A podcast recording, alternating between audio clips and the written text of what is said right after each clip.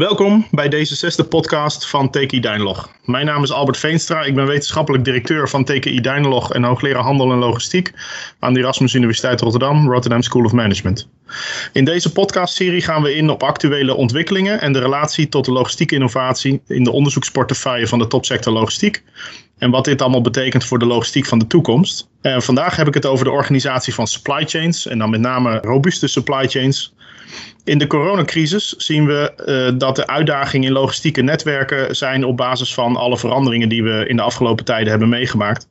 En de robuustheid van logistieke productieketens staat ook heel erg onder druk. Voorraden waren niet toegankelijk door lockdowns, productielocaties gingen sluiten. Uh, afhankelijkheden en kwetsbaarheden in supply chains werden bijvoorbeeld in de automotive of uh, voor de medische apparatuur heel pijnlijk duidelijk. In de afgelopen podcast hebben we daarover gesproken vanuit projecten die wij in TKI Dynlog hebben gefinancierd. Maar deze keer praat ik met Jan François, nu nog steeds hoogleraar Operations Management en Logistics aan de Kunen Logistics University. Maar vanaf dit najaar weer terug op Nederlandse bodem als hoogleraar Operations and Logistics Management aan de Tilburg School of Economics and Management. Jan, welkom. Dank je. Uh, jij hebt je uh, onder andere op LinkedIn uh, ook wel een beetje geroerd over wat jij vond van, de, van deze crisis en de impact op supply chains. kan je jouw inzicht over wat jij op, op LinkedIn noemde de, de COVID-19 supply chain wave, kan je dat eens toelichten hoe jij daar tegenaan kijkt? Wij zijn op een gegeven moment ergens in, nou wat was het, ik denk ergens eind april. toen hebben we gedacht van ja, kijk, je ziet allerlei dynamiek ontstaan in, de, in, in, de, in die ketens omdat er fabrieken sluiten op allerlei plekken, markten waar de vraag volledig uitvalt. En iedereen die in, in supply chain zit, die weet dat, dat, dat dit soort enorme schokken, dat dat leidt tot opslingereffecten. En we hebben geprobeerd om dat, uh, om dat te modelleren. Uh, in, in, een soort eerste inzicht. Een generiek model, overigens niet voor een specifieke sector. Maar daar ontstond toch wel een vrij, uh, vrij helder beeld uit. Namelijk dat, dat we toch over het komende jaar, zeg maar, vrij stevige fluctuaties zullen zien. En dat met name partijen stromen opwaarts in de keten. Dat die nu, we zijn nu begin juli, te maken hebben met hele lage orders en hele hoge voorraden. En uh, dat dat ergens aan het eind van de zomer, begin van de herfst, uh, wel eens precies omgekeerd zou kunnen zijn. Dus dat, dat soort enorme fluctuaties, dat we die wel um, waarnemen. En dat blijkt nu ook wel. We zijn inmiddels toch wel met wat bedrijven daarover gesproken, een aantal webinars en dergelijke. En het lijkt wel te matchen met wat bedrijven waarnemen. En er zijn nu ook meerdere marktpartijen die deze ideeën opgepikt hebben. En die dat ook nu voor specifieke sectoren meer in detail op basis van actuele data aan het fine-tunen zijn. Uh, want dat is denk ik toch wel zinvol om je strategie de komende maanden te bepalen. Maar gaat dat echt over een, eh, een, eh, een aantal maanden? Wat, eh, zeg maar komende, weet ik veel, zes maanden of zo, waar dit, deze manier van kijken naar supply chains ja, over gaat? Dus, uh, kijk, ik kan niet in de toekomst kijken hoe het met uh, het virus zelf gaat. dus dat, dat kan natuurlijk allerlei verdere invloed hebben. Maar als we vanuit gaan laten we even het Europese dominante scenario momenteel is volgens mij dat, dat er wellicht een tweede wave komt. Maar dat we daar beter op voorbereid zijn en niet meer zulke enorme schokken zullen krijgen als bij die eerste wave. Uh, dan, dan zul je fluctuaties zien die, die, die alleen als gevolg van die schok die we, laten we zeggen, dit voorjaar hebben gehad, toch wel ongeveer een jaar kan duren voordat het een beetje uitgeslingerd is. Dat is los van eventuele recessie-effecten. Ja, want het, uh, kan natuurlijk ook zijn uh, dat er allerlei mensen hun baan verliezen, weer in een recessie terechtkomen. En dat daardoor ook nog eens een klap structureel op de consumptie komt. En dan krijg je dus ook met, met een dalende consumptie te maken. En daar komt een soort ja, tweede, uh, tweede golf overheen. Want daar, op basis daarvan krijg je ook weer aanpassingen. En die tweede golf, ja, die zou best wel eens langer kunnen duren. Dan kun je wel over, meerdere jaren denken, zoals we dat in 2000, tussen 2009 en 2012 bijvoorbeeld ook gezien hebben. Waarin dat een jaar of drie geduurd heeft voordat het allemaal weer een beetje stabiliseerde. En, en dat betekent dat in die periodes, dat je daar periodes hebt van drie, vier, vijf maanden, waarin er enorme tekorten zijn, waarin de markten het eigenlijk niet kunnen bijbenen en andere periodes met enorme overschotten. Maar dit, dit, lijkt natuurlijk toch wel heel netjes te passen in wat we in de supply chain literatuur lezen, hè, over bullwhip effecten en zo. Is dat, is dat ook echt wat jullie hier dan mee bevestigen? Dat je zegt, kijk, zo'n crisis is misschien extreem, maar die kun je met de huidige conceptuele constructs die we hebben in de, in de supply chain management uh, eigenlijk aardig goed uh, analyseren. Ja, dat denk ik wel. Dus ik, ik denk dat de onderliggende mechanismes, dat die eigenlijk wel begrepen uh, zijn. En dat, dat gegeven, gegeven dat je een goed inzicht hebt in de huidige status van je keten, uh, is het denk ik redelijk goed mogelijk om te voorspellen wat ongeveer hoe die golf eruit ziet. En dan zeg ik natuurlijk wel wat. Ik zeg, ik zeg dan van ja, gegeven dat je een vrij goede inzicht hebt in de huidige status van je keten. En, en dat, dat is bij veel bedrijven wel een probleem. Want de, ja, in theorie is informatie delen allemaal mogelijk. Maar dat gebeurt toch nog maar zeer beperkt, omdat veel bedrijven ja, toch ook wel de mogelijkheid zien om hier strategisch voordeel uit te halen op het moment dat ze de informatie niet delen. Dus, uh, en, en ja, ik, ik denk dat daar, uh, ja, misschien jammer genoeg, maar met name hier in Europa toch nog te weinig data echt ook verzameld worden structureel. wij, wij hebben na 2009 beargumenteerd dat je eigenlijk maandelijks in de, in de, de CBS-achtige surveys uh, waar, waar productie- en vraagdata verzameld worden, dat je daar ook voorraaddata zou moeten verzamelen. Nou, er wordt nu wel een voorraad sentimentindicator verzameld. Hè. Dat is men na 2009 gestart. Maar in de VS, daar wordt nog steeds maandelijks op, op vrij gedetailleerd sectorniveau gepubliceerd, maar op bedrijfsniveau verzameld, worden alle voorraaddata verzameld. En voorraden geven een hele goede indicator van, van waar je zit. Uh, die, zijn, die zijn misschien nog wel belangrijker dan vraagdata. Want de vraagdata zit in de eindmarkt en daartussendoor die vraag, als jij twee, drie niveaus stroomopwaarts zit, is alleen maar afgeleide vraag. Die kun je berekenen. Maar voorraden en, en hoe bedrijven actief voorraden opbouwen en afbouwen, dat heeft, uh, dat heeft ons onderzoek wel laten zien. En daar, daar hebben wij denk ik wel destijds nieuwe theoretische inzichten in laten zien. Dat, dat, dat actief spelen met voorraden, dat, dat, dat leidt tot een soort eigen dynamiek in ketens. Ja. En, en ook dat, dat kan de komende maanden nog wat verder versterken op het moment dat bedrijven in, uh, in tekorten terechtkomen en dergelijke. En dan gedwongen worden om bijvoorbeeld hoge voorraden af te bouwen, terwijl je misschien beter even kan wachten.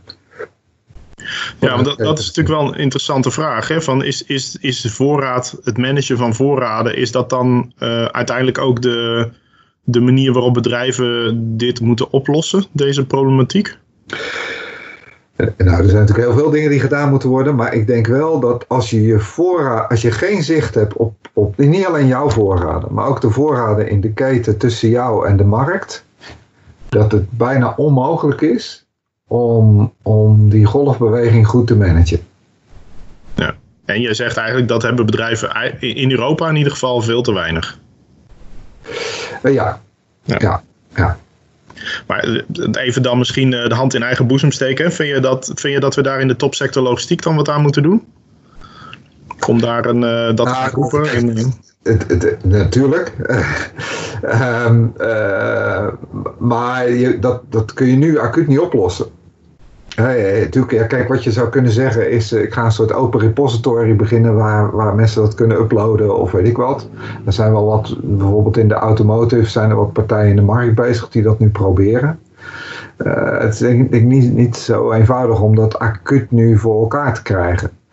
Maar ja, daar, daar zou je structureel, als je kijkt naar voorbereiding op volgende crisis, ja, dat is denk ik wel zinvol om dat soort, soort data uh, beschikbaar te hebben. Kijk, nu moeten we op het PMI vertrouwen, een andere sentimentindicator, die, die op zich prima is, maar die ook nu in deze enorme schokken maar beperkte waarde heeft. Hè? Want dat is altijd de, de, de verbetering ten opzichte van de vorige maand. Ja, de, de hoeveelheid verbetering is in dit geval toch wel ook wel belangrijk. Maar ik, zou, kijk, ik, ik denk dat het CBS daar ook een volgende stap in kan nemen. Die heeft gewoon de verplichte survey die, die bedrijven moeten insturen. Nou, daar zou je ook voor expliciete voorraadgegevens bij kunnen toevoegen, behalve alleen een sentimentindicator wat ze nu doen. En, dan daarnaast hoor je natuurlijk heel veel mensen roepen van nou, hè, we moeten die ketens nu uh, redesignen. Het moet allemaal robuuster. Er moet misschien meer voorraad in de keten. Uh, je moet uh, van die lean en agile concepten af. en daar, daar, dat lijkt ook wel een beetje te resoneren bij deze gene. Maar hoe, hoe kijk jij daar tegenaan? Ja, nou het, het eerste is denk ik dat het feit dat, dat supply chains wereldwijd leaner zijn geworden, dat, dat wordt niet ondersteund met feiten. Dus uh, het is uh, gewoon als je naar de data kijkt, en dan kijk ik dus ook overigens naar Amerikaanse voorraaddata, want in Europa hebben we die data niet. Maar is gewoon in de afgelopen tien jaar zijn voorraden die zijn toegenomen. het heeft voor een deel te maken dat die ketens wat langer zijn geworden, maar ook relatief zijn ze toegenomen. Het is gewoon volledig rationeel. Het is gewoon, laten we zeggen, voorraadbeheersing les 1. lagere voorraadkosten, hogere voorraad aanhouden. Uh, want daarmee kan ik, uh, kan ik mijn klanten beter bedienen. Als je praat over, over inrichting van ketens waar een issue is, is dat denk ik op veel plekken uh, met single sourcing is gewerkt. Dus in feite met, met één toeleverancier op één plek. En ja, dat heeft op heel veel, plekken wel tot, um, nou, op zijn minst tot paniek geleid. tot angsten voor tekorten. Maar misschien uiteindelijk maar op heel weinig plekken tot echte tekorten. En, en uh, kijk, in de medische sector, daar hebben we wel echte tekorten gezien. Maar er is toch vrijwel geen enkel ander segment waar we lege schappen hebben gezien. En dan hebben we wel een beetje geluk gehad, hè, want op het moment dat die tekorten zouden komen uit Azië, Azië was dicht in februari, dus die tekorten die zouden hier ergens tweede helft maart of zo aankomen. Ja, toen gingen hier de winkels uh, de facto dicht. Of, en nu in veel landen zelfs echt dicht in Europa. Um, een van de dingen waar ik wel voor heb gepleit is, is om te zeggen, kijk, als je dit echt zou willen doen en, en je vindt dat dat meer robuust zou moeten worden, dan zou je eigenlijk in de rapportage eisen, praat ik over accounting, bedrijven die op de, op de beurs genoteerd staan, uh, moeten eisen dat supply chain risico's bijvoorbeeld expliciet vermeld worden. Dat, dat, dat kan mogelijk een effect hebben. Maar puur als je zegt vanuit de ratio van kosten, vanuit de bedrijfsoverleving. Ik, ik ben daar heel sceptisch over. Ik kan eigenlijk zeggen van ja, bedrijven hebben dat nu al tientallen jaren niet gedaan. Het gaat af en toe bijna mis, maar het gaat zelden helemaal mis. Ja, waarom zou je dan die extra kosten nemen? Ja, nou ja, maar goed, er is natuurlijk in Nederland ook wel een discussie hè, van moeten we niet uh, local for local uh, gaan pushen als een beleidsthema vanuit uh, ons ministerie van Economische Zaken bijvoorbeeld. Ja. of, of moet je inderdaad de, de lange ketens misschien wel ondersteunen, maar toch die partijen even bijpraten over hoe ze dat robuuster moeten inrichten. Maar hoe, hoe zie jij dat? Zeg jij van nou ja, die lange ketens zijn er niet voor niks, dus, dus dat is toch de dominante strategie? Of zeg je van nou ja, het is een goed idee zijn als de overheid wat inspanning pleegt op het, uh, het, uh, meer lokaal inrichten van een, een, misschien een deel van die ketens? Nou, de, de, kijk, de vraag is hoe, hoe je dat kan doen. Hè? Dus uh, kijk, de, de meest voor de hand liggende beleidsmaatregel die je dan doet, is dat je tariefbarrières gaat neer, inzetten. Nou, als, stel je dat doet, ik denk ten eerste, ik, denk voor heel veel van die, van die importrestricties, dan zullen die tariefbarrières echt enorm hoog moeten zijn. De, de, de vraag is of we daar niet, als, nee, zeker als Nederland, heel veel meer last van hebben dan, dan baat. Maar het betekent ook voor consumenten dat uh, het overgrote deel van die producten als rustig een factor 2 duurder zou kunnen worden. En uh, de vraag is of we die, uh, dat welvaartsverlies, of dat wel acceptabel is. dus ik, ik denk dat dat maar heel beperkt gebeurt. En het is niet alleen dat je zegt, ja, ik ga gewoon, uh, weet ik veel, de, de, uh, zeggen dat bepaalde, um, weet ik wat, elektronica of medicijnen of weet ik wat, die ga ik hier zomaar maken. Kijk, uh, het is ook zo dat de hele supplier base, die zit ook in Azië. Dus, dus je kan niet, het is niet zomaar een fabriekje verplaatsen. Dit zijn majeure operaties waarbij ik totale netwerken moet gaan verplaatsen. En dat, dat gaat ten eerste niet overnight gebeuren. En, en dat leidt vervolgens denk ik ook tot extreme kosten. En ja, wat bedrijven zullen doen, kijk, op het moment dat je zegt van ja, ik ga dat dan half doen, hè, want dan krijg je dan waarschijnlijk even, nou ga ik een beetje mijn tarieven verhogen. Nou ja, wat gaat er dan gebeuren? Uh, uh, waarschijnlijk uh, een beetje meer toegevoegde waarde hier. Hè? Dus dan sleutel ik het wat in elkaar. Ik zet er wat dingetjes aan vast of ik verander de kleur. Om, om tariefmuren te omzeilen. Maar dat, dat maakt uiteindelijk die ketens allemaal niet prettiger en we worden er ook niet beter van. Ik denk, ik denk dat we veel meer zouden moeten kijken. Van ja, waar zijn we nou hier in Europa uiteindelijk sterk in? En op welke gebieden willen wij nu absoluut op de een of andere manier zekerheid hebben? en uh, ook daar kun je afvragen, van ja, kijk, uh, Nederland is daar te klein voor. En de vraag is als puntje bij paaltje komt, en dat hebben we deze crisis denk ik ook wel gezien, of Europa daar sterk genoeg voor is. Want op het moment toen er mondkapjes tekort waren, was wel de eerste reactie. De enige fabriek die in Europa stond van, die, van 3M was in Duitsland. Eerste reactie van de Duitse overheid. Ze doen de, uh, zetten exportstop in. En, en, en uiteindelijk zijn het de Chinezen die ons met de mondkapjes hebben gered. eerst natuurlijk allerlei problemen met certificeringen, maar uiteindelijk de, de miljard mondkapjes die uh, Martin van Rij nu uh, aan het opbouwen is, die komen bijna allemaal uit China. Ja, dus je moet misschien niet, niet, niet hoe zeg je dat, te, te overwhelmed raken door allerlei sentimenten en, en nu zeggen we, gaan het helemaal anders doen. Kijk, wat economen zeggen, uh, er zijn handelseconomen en er zijn ook wel wat papers over uitgekomen. Eigenlijk de, de oplossing voor uh, tekorten is niet minder handel, maar meer handel. Ik, ik, denk een goed voorbeeld daarvan zijn de, de ventilators, dus de beademingsmachines, waar, waar Philips een fabriek daarvan heeft. En waar de eerste uh, gedachte van, van Trump, de Trump-regering uh, was van nou, uh, zet een exportverbod in. Zich niet realiserend dat vrijwel al die componenten, of groot gedeelte van die componenten, die kwamen uit Europa en uit China. Dus zei Europa, ja, kijk, als jij exportverbod inzet, krijg je ook de componenten niet.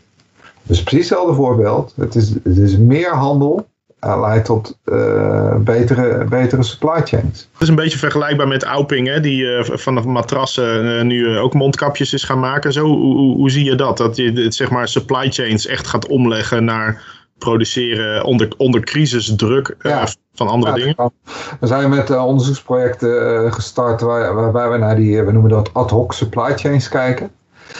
En, en, daar zou je misschien wel wat kunnen doen. Dus je zegt van ja, kijk, er kan op enig moment een crisissituatie zijn. Kan ik, heb ik dan een proces in place waarbij bedrijven enerzijds vanuit maatschappelijke verantwoordelijkheid en financieel in ieder geval schadeloos gesteld door de overheid uh, iets kunnen doen. Noodvoorziening. En dan praat je over, zelfs maar misschien over weken of hooguit een paar maanden. Want, want dan op een gegeven moment uh, ja, het was ook in Duitsland, er waren wel bedrijven die, die produceerden dan in orde grootte van tienduizenden of soms honderdduizenden maskers. Maar op een gegeven moment kwamen er gewoon, kwamen er gewoon containers binnen en daar zitten gewoon in elke container zitten er al een paar miljoen. Dus de, de, de, de uh, maar, maar om, om die eerste schok op te vangen, ja, dat is denk ik uh, mogelijk. En daar zou je misschien structureel ook wel wat kunnen doen. Geldt denk ik ook voor bijvoorbeeld actieve ingrediënten in de farmacie. Er zijn in Europa vier of vijf landen die dat, die dat goed kunnen. Ja, dan moet je misschien wel de recepten op voorraad hebben. Hè? En, en, en natuurlijk loop je dan een gezondheidsrisico, want je kunt niet, als je maar heel af en toe produceert, kun je niet aan de kwaliteitseisen voldoen. Ja, dat is dan een afweging die, die je maakt. Dan zeg je ja, heb ik dan maar iets wat iets mindere kwaliteit is, ten opzichte van heb ik helemaal niks. Ja. En dat is natuurlijk een moeilijke, moeilijke maatschappelijke discussie, dat begrijp ik ook wel. Maar de kosten die er tegenover staan, als ik dit volledig uh, tegen volledige topkwaliteit en altijd beschikbaar wil doen, daarvan betwijfel ik of de maatschappij bereid is om die kosten te dragen. Ja. Hey, uh, als we nou nog even vooruitkijken, uh, wat is nou jouw uh, aanbeveling uh, als we Nederland robuuster zouden, structureel robuuster zouden willen maken voor, voor zo'n soort pandemie? Waar, waar moeten we dan absoluut mee aan de gang? Nou, ik zou zeggen, alle, alle handelsbarrières weg. ik denk ook dat je, dat je misschien mogelijkheden, want uiteindelijk denk ik dat, dat uh, stel dat uh, Uiteindelijk is volgens mij een belangrijke barrière geweest om heel snel dingen aan te vullen. Dat is niet eens zozeer in de productiecapaciteit uh, geweest, maar in de transportcapaciteit. dus je, je zou uh, misschien uh, maatregelen kunnen treffen om transportcapaciteit te kunnen vorderen. en op het moment dat je dat hebt, ja, we hebben onze, tot nu toe onze, nog steeds onze eigen luchtvaartmaatschappij. Als je die vliegtuigen kan vorderen en ik kan dan overal de spullen vandaan halen, nou ben ik volgens mij wel redelijk secure. En misschien dat we dat dan wel wat logistieke problematiek voorop moeten zetten in plaats van de, de mogelijkheden om het, uh, om het te maken. En denk een ander punt is wel dat uh, iedereen, denk ik, de snelheid waarmee zich dit ontvouwde heeft, heeft onderschat. Um, uh, dat, dat, zal in ieder geval, als, als, dit binnen drie, vier jaar gebeurt, zal dat denk ik niet gebeuren. Dan zal uh, opnieuw, denk ik, zal er sneller gehandeld worden. Als het nog een keer tien jaar duurt, is iedereen dit wel weer vergeten. Uh, dus uh, ja, dan, dan zullen we het moeten zien. Ja. En, en, en, verder, ja, denk ik, handelsbarrières weg, transportcapaciteit ja, nou ja. beschikbaar, goed je informatie op peil hebben. Ik denk wel dat, uh, dat, dat is een rol voor bedrijven. Die moeten denk ik beter weten waar dingen gesourced worden. Ja, dat, zijn, dat, zijn, zijn denk, de, is denk ik de basis. De basis zit uiteindelijk in, in, in ketens die, die, die structureel, die, die wel robuust zijn, maar die mijn is wereldwijd ingericht moeten zijn. Waar je nog over zou kunnen nadenken, is in hoeverre je het niet wettelijk zou kunnen stimuleren dat er meer aan dual sourcing wordt gedaan. Hij zegt van ja, daar, dat kan de markt eigenlijk op zichzelf niet helemaal goed regelen. Ja, dan moet ik daar misschien uh, een wettelijk kader voor neerzetten. En, en dat kan bijvoorbeeld zijn door te zeggen, ja, je moet je risico's zichtbaar maken. Als jij single source bent, dan moet je dat gewoon melden in je jaarverslag. En, en dan, eh, kijk, wat, wat de, de, basic economics wil tellen, uh, is dat dan in principe dat ten koste zou moeten gaan van de stockprice. En en dat, dat zou tot een ratio kunnen leiden om er dan wel in te investeren. Maar ik ben, ik ben er uiteindelijk wel een voorstander van dat uiteindelijk de markt dit moet regelen. De overheid is, is hier niet goed in. De overheid kan, kan kader scheppend handelen, maar moet niet gaan proberen om zelfs supply chains te gaan neerzetten. Ook, ook die, die, die subsidies voor local voor local enzovoort, ja, dat, dat heeft een beetje een hoog aaibaarheidsgehalte. Net, net als zeg maar al die kleine karretjes in de stad. Maar zodra de subsidie ophoudt, dan stort het ook weer in elkaar. Nou, dat, dat, is, dat is waste of public funding. Ja. Je, je, moet daar meer structureel over nadenken. En eh, ik denk, ik begrijp dat er nu een supply chain office is opgericht uh, tussen de ministeries. En ik hoop dat die meer naar dit soort dingen kijken. En ook wel vanuit de kracht van Nederland als sterke supply chain regisseur. En, en niet gaat proberen om via allerlei gekunstelde uh, regelingen uh, die, die, die, die, die, die, die kracht uh, proberen te verstoren. Ja, nou dat is een mooie aanbeveling, denk ik, voor het, ja. het Value Chain initiatief. We gaan hiermee mee afronden. Hartelijk dank Jan. Ik uh, sprak vandaag met de, in deze podcast met Jan François, hoogleraar Operations Management en Logistics aan de Kuhne Logistics University, over de inrichting van supply chains en uh, de gevolgen van uh, COVID-19. Ehm, zo met deze discussie hebben we denk ik weer een stapje gezet richting een robuustere logistiek voor, voor Nederland in de toekomst. Hartelijk dank en graag tot een volgende keer.